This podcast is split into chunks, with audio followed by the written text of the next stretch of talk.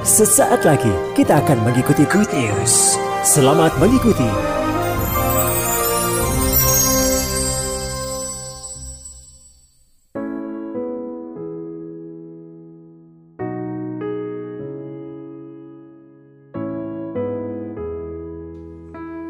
Shalom Bapak Ibu yang dikasih Tuhan. Shalom semuanya. Kiranya mari taruh hati kita sekarang di mesbahnya. Untuk Tuhan isi, untuk Tuhan jamah, untuk Tuhan bentuk. Dan jadikan sebagaimana yang Tuhan kehendaki. Ya, yang penting adalah hati kita. Karena hati itu punya peran yang sangat penting yang sangat strategis akan menentukan kualitas kehidupan kita. Kalau saja kita menyanyi tanpa hati, hambar.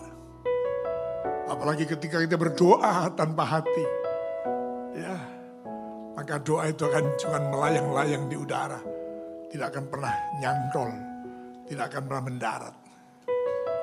Saudara yang kasih Tuhan, maka sertailah dalam segala kegerakan, perkataan, perbuatan, apa pun juga. Sertakan hatimu. Maka pastilah, apalagi itu saudara sedang di hadapan Tuhan. Pastilah Tuhan berkenan kepada kita sekalian. Setelah kita masuk pada minggu ketiga di bulan Oktober, bulan Diakonia. Pertanyaan besarnya adalah sebenarnya Tuhan mengendaki supaya Melalui bulan diakunia ini, kita menjadi pemerhati, menjadi peserta, menjadi pelaku untuk kita dapat menggenapi filosofi gereja ini, memerhatikan sesama, keselamatannya, dan kebutuhannya.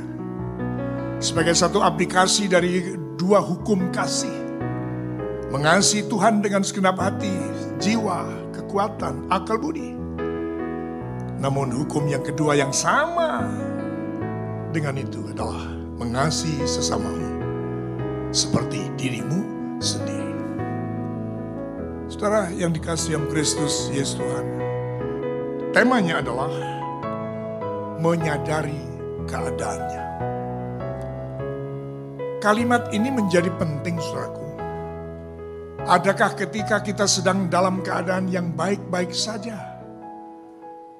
Dengan menyadari keadaan diri kita, maka kita akan sungguh-sungguh dapat lebih banyak mengucap syukur.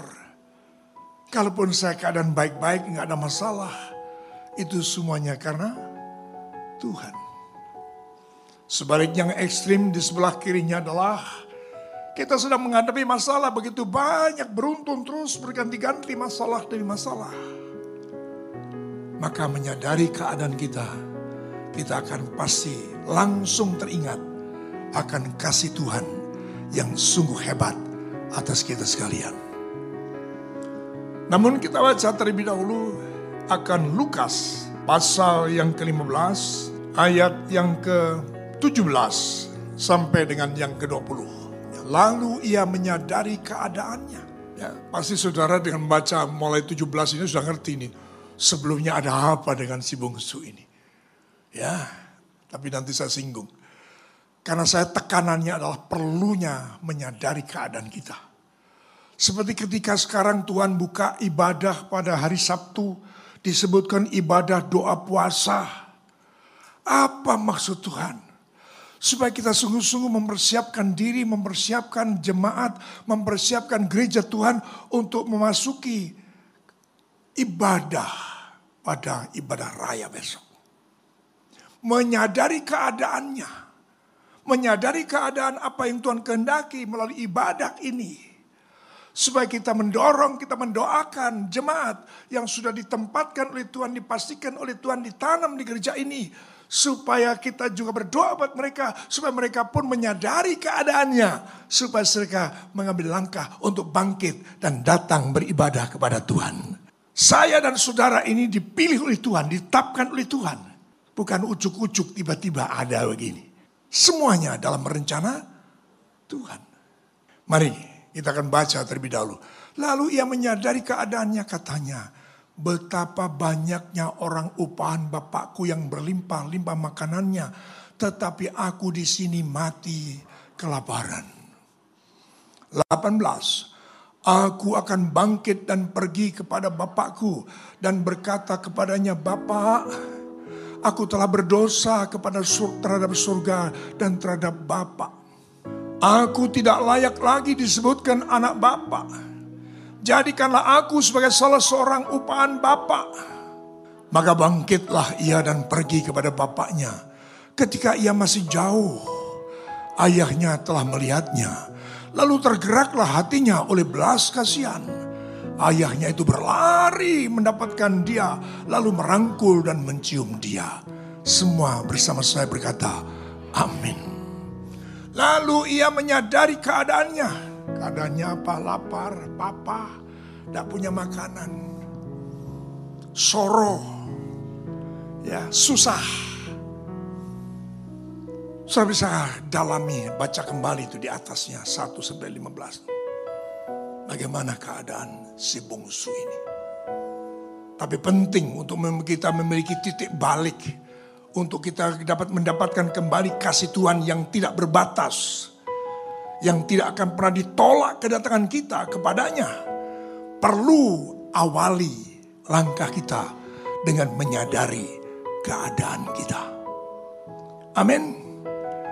Tapi saudaraku jangan hanya selesai pada kerinduan. Hanya selesai pada kesadaran diri. Ditambah mungkin lebih manis dengan kerinduan. Tetapi yang penting tadi sudah saya baca. Maka bangkitlah ia dan pergi kepada bapaknya. Setiap kerinduan itu harus diaplikasikan. Setiap kerinduan itu harus dikerjakan. Setiap kerinduan itu harus dinyatakan. Dengan langkah-langkah konkret. Yang setuju boleh tepuk tangan panjang bagi Tuhan Yesus. Bahkan saya mau mengatakan pada saudara kalau saudara sedang berdoa, saudara pun harus jalani kehidupan saudara sebagaimana doa saudara. Terlalu kuat berteriak Tuhan selamatkan Indonesia. Tapi kita tidak pernah terlibat dalam kegerakan untuk menyelamatkan bangsa.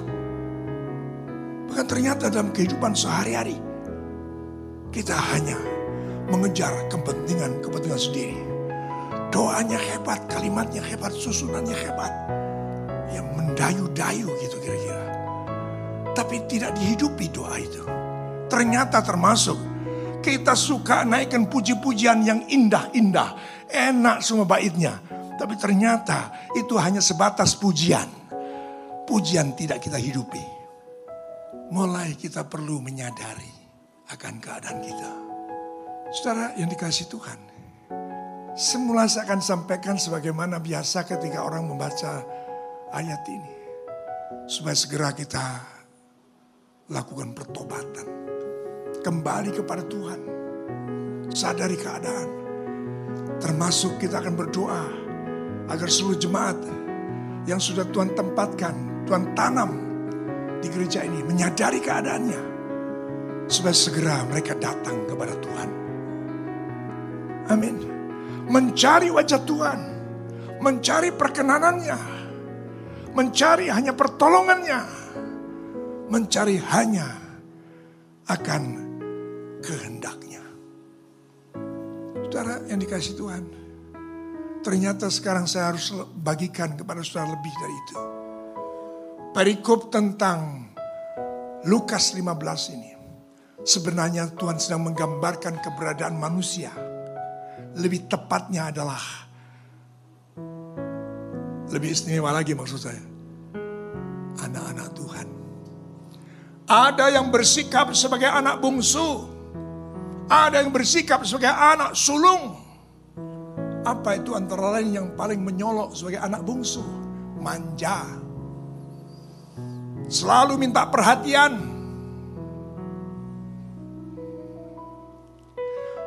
Suka melakukan sesuatu yang aneh-aneh. Ujungnya apa? Supaya dapat perhatian. Itu karakteristik umum anak bungsu ya rewel itu gitu ya minta perhatian saja selalu buat aneh-aneh Dan selalu ingin mendapatkan sesuatu yang lebih. Sudah sudah baca itu di atasnya pasti. Dia datang pada Tuhan minta haknya. Ya karena Bapak baik kasih. Tapi tidak dipakai sebagaimana mestinya. Tapi dipakai untuk memuaskan hawa nafsunya, keinginannya. Dan ternyata akhirnya kita mengetahui, kalau mau saya baca sebagian dari sana, saudaraku, coba kita baca ya, apa yang terjadi di uh, keadaan si bungsu ini. Ayat 13, beberapa hari kemudian setelah dia menerima kekayaan itu ya, ayat yang 12, ayahnya membagi-bagikan harta kekayaan itu di antara mereka. Beberapa hari kemudian anak bungsu itu menjual seluruh bagiannya itu lalu pergi ke negeri yang jauh. Di sana ia memboroskan harta miliknya dengan hidup foya-foya. Ya, menjadi sosialita kira-kira begitu ya. Menuruti keinginan-keinginannya. Hidup hedon yang menjadi cita-citanya. Setelah dihabiskan semuanya timbullah bencana kelaparan di dalam negeri itu dan ia pun mulai melarat. Bukan hanya sekedar dia foya-foya. Tapi kok pas dia foya-foya, situasi kondisi negeri itu terjadi kelak kelaparan hebat. Karena di sana dikatakan timbullah bencana kelaparan dalam negeri itu. Dan ia pun mulai melarat. Lalu ia pergi bekerja kepada seorang majikan di negeri itu. Orang itu menyuruhnya ke ladang untuk menjaga babinya. Lalu ia, mengis, ia ingin mengisi perutnya dengan ampas yang menjadi makan babi itu. Tetapi tidak seorang pun yang memberikan kepadanya. Susah. Jadi satu yang ingin saya ingatkan. Karakteristik anak bungsu. Baik itu umum terlebih juga masih berlaku di tengah-tengah kita sebagai anak-anak Tuhan dalam gereja. Masih bersikap sebagai anak bungsu. Yang suka minta perhatian. Manja. Melakukan hal yang aneh-aneh. Ngambil keputusan sak pena ediwi. Ya, kalau ditegur mungkin pasti akan marah. Saudaraku yang dikasih Tuhan. Ini yang terjadi. Tuhan ingin menggambarkan kepada kita seperti apa? Atau mungkin di sebelahnya. Ada karakteristik sebagai anak sulung. Dia selalu ingin menjadi teladan, ingin menjadi contoh. Lu ingin lo doa sih lo, ya. Gini lo ibadah dulu ya, ibadah dulu. Ini lo pelayanan dulu gitu ya. Tapi ternyata karakter sebagai anak sulung itu tidak pernah lepas. Sekalipun dia disebut sebagai anak Tuhan, suka iri hati.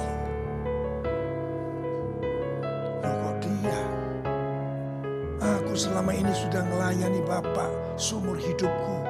Seekor burung pipit pun saya ini saya yang ngomongnya. Belum pernah disembelih untuk aku. Itu anak suka foya-foya, berbuat dosa, boros. Suka main perempuan. Eh pulang-pulang dipestain. Perhatian kita bukan pada itu komentar itu. Tapi si sulung ini iri selalu minta pengakuan. Saya lebih, saya lebih, saya lebih, saya lebih. Saudara yang dikasih dalam Kristus Yesus Tuhan. Coba kita telah, coba kita perhatikan untuk supaya kita menyadari keadaan diri kita. Bukan berarti saudara kalau sudah ditetapkan menjadi anak sulung, ya wah gak bagus itu.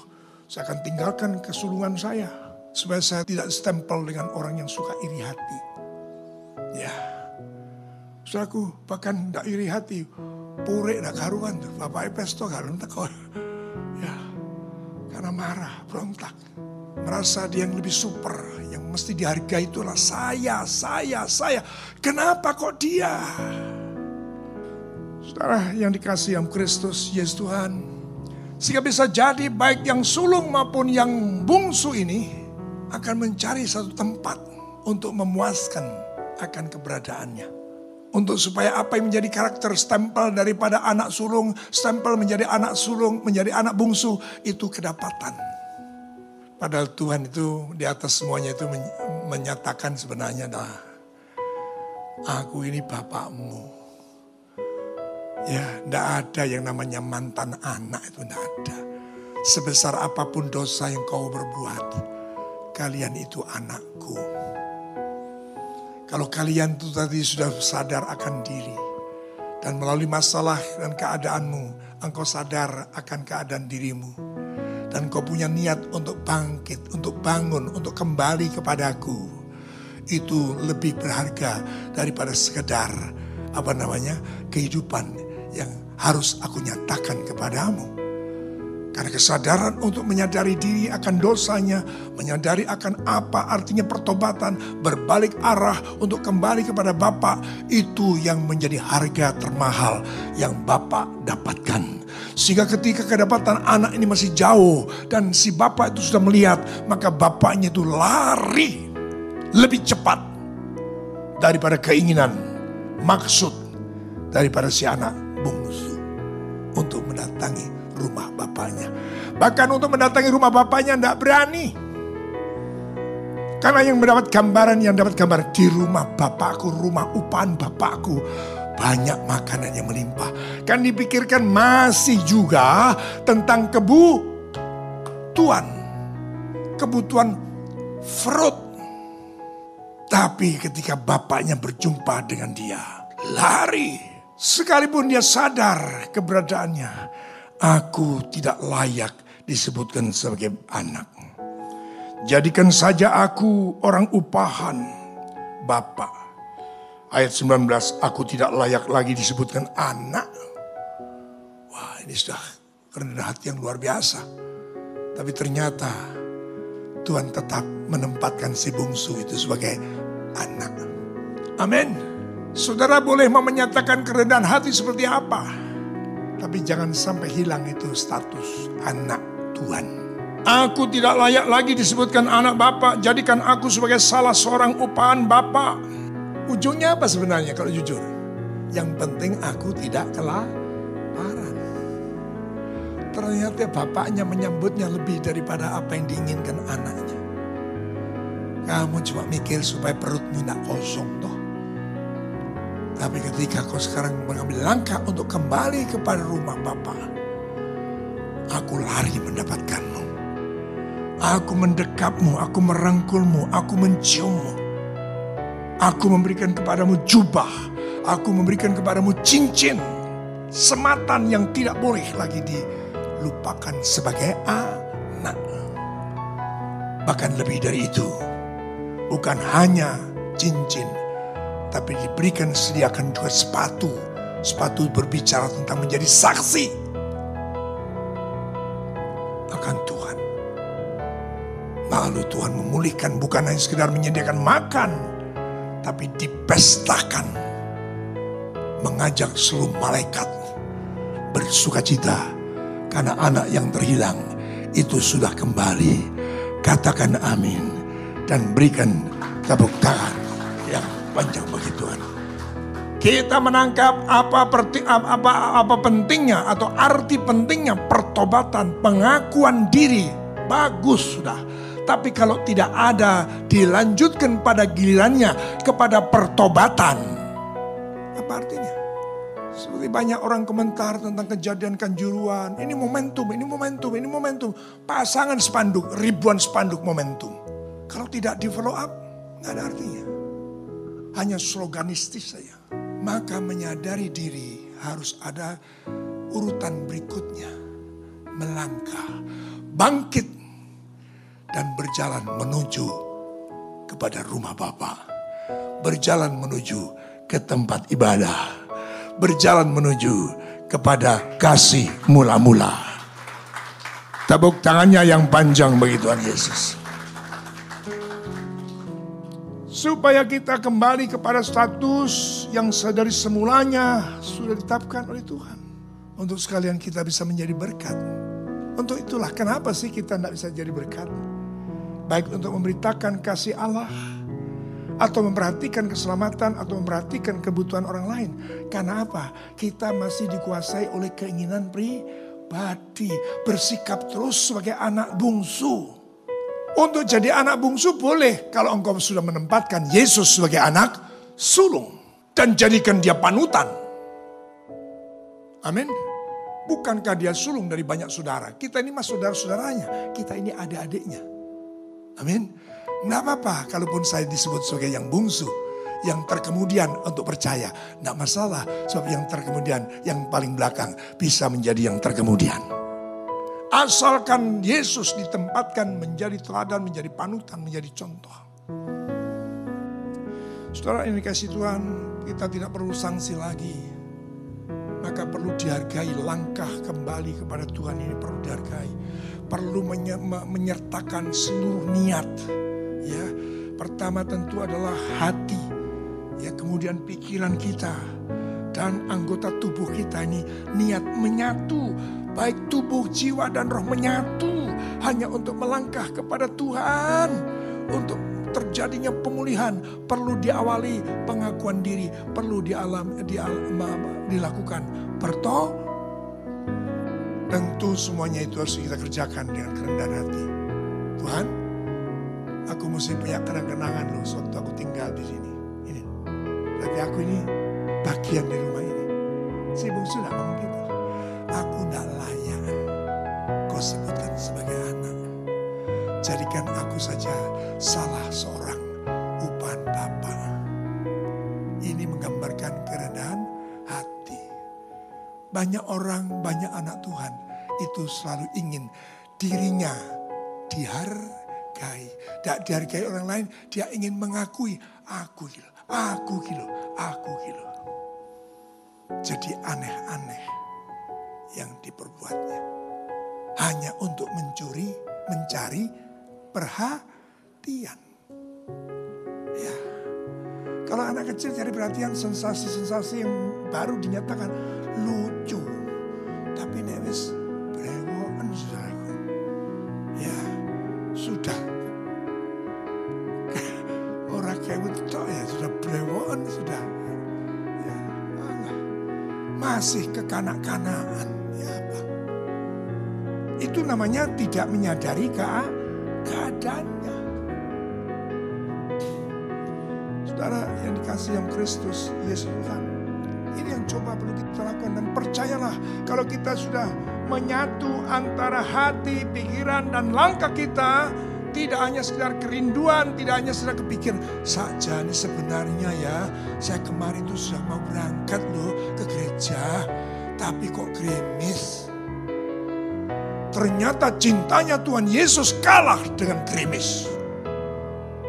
Cinta saudara kepada Tuhan kalah dengan gerimis. Kalau memang cinta Tuhan kuat, cinta saudara kuat, tidak cuma gerimis saudaraku. Banjir bandang pun saudara tetap akan melangkah mencari Tuhan terlalu mudah situasi kondisi yang terjadi dipakai alasan, pakai alasan. Bahkan dirohanikan, wah berarti ini tanda aku nggak boleh datang. Itu luar biasa. Jadi masih sifat manja itu. Itu.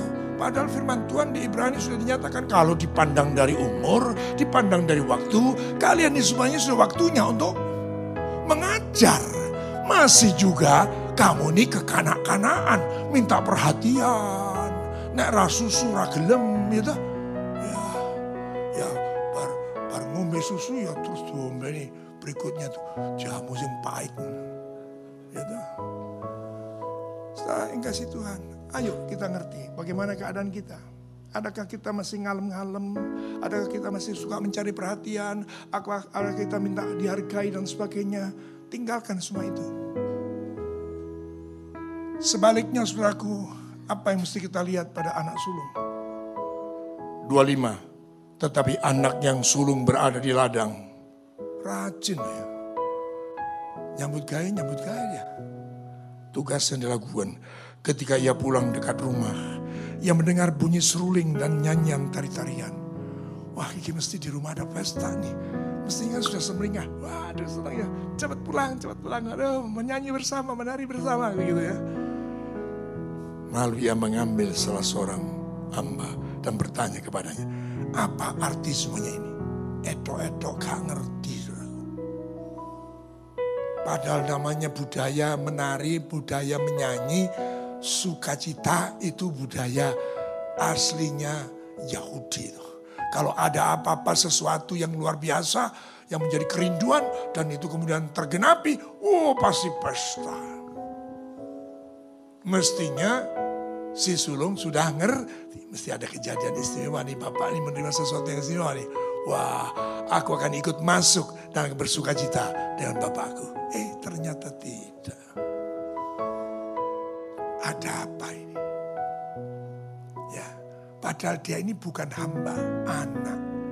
Mestinya sudah tahu, paling tahu bagaimana karakter ba, bapak. Kebiasaan minimal bukan karakter, kebiasaan-kebiasaan bapak sudah ngerti. Jangan-jangan ada di antara kita juga seperti ini. Bukan hanya bersifat sebagai anak bungsu, tapi bersifat sebagai anak sulung. Yang tidak, yang pura-pura tidak ngerti apa-apa. Kenapa dia pura-pura tidak ngerti apa-apa? Karena dalamnya sudah ada iri hati. Jawab hamba itu, adikmu telah kembali dan ayahmu telah menyembelih anak lembu tambun karena ia mendapatnya kembali dengan sehat. Eh, adikku, weh puji Tuhan, sudah lama aku udah masuk. Kan gitu mestinya. Tapi dia tidak keluar itu adikku. Nah, kita baca lagi. Maka marahlah anak sulung itu dan tidak mau masuk. Lalu ayahnya keluar dan berbicara kepada dia. Tetapi ia menjawab ayahnya katanya telah bertahun-tahun aku melayani Bapak. Dan belum pernah aku melanggar perintah Bapak. Tetapi kepadaku belum pernah Bapak memberikan seekor anak kambing untuk bersuka cita dengan sahabat-sahabatku. Tetapi baru saja anak Bapak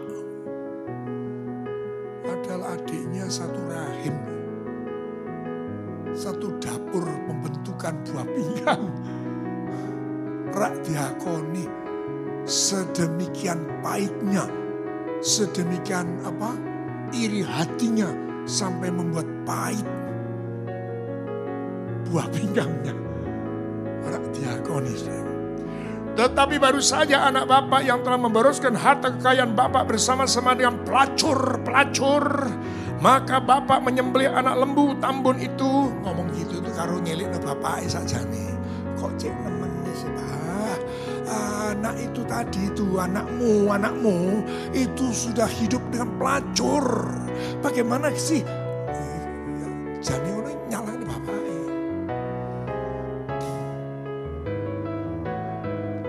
Maka bapak menyembelih anak lembu tambun untuk dia. Maka kata ayahnya kepadanya, si sulung yang hendak ngakoni adiknya itu tetap diakoni. Anakku, engkau selalu bersama-sama dengan aku dan segala kepunyaanku adalah kepunyaanmu. Kita patut bersuka cita dan bergembira karena adikmu yang telah mati telah menjadi hidup kembali dan telah ia telah hilang dan dapat kembali. Kita perlu memiliki ini, kedewasaan rohani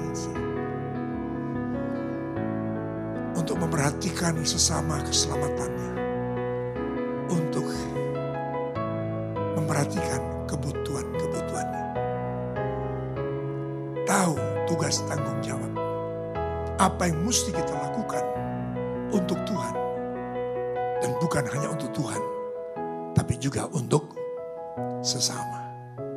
Vertikal bagus, tapi jangan sampai horizontal dilupakan.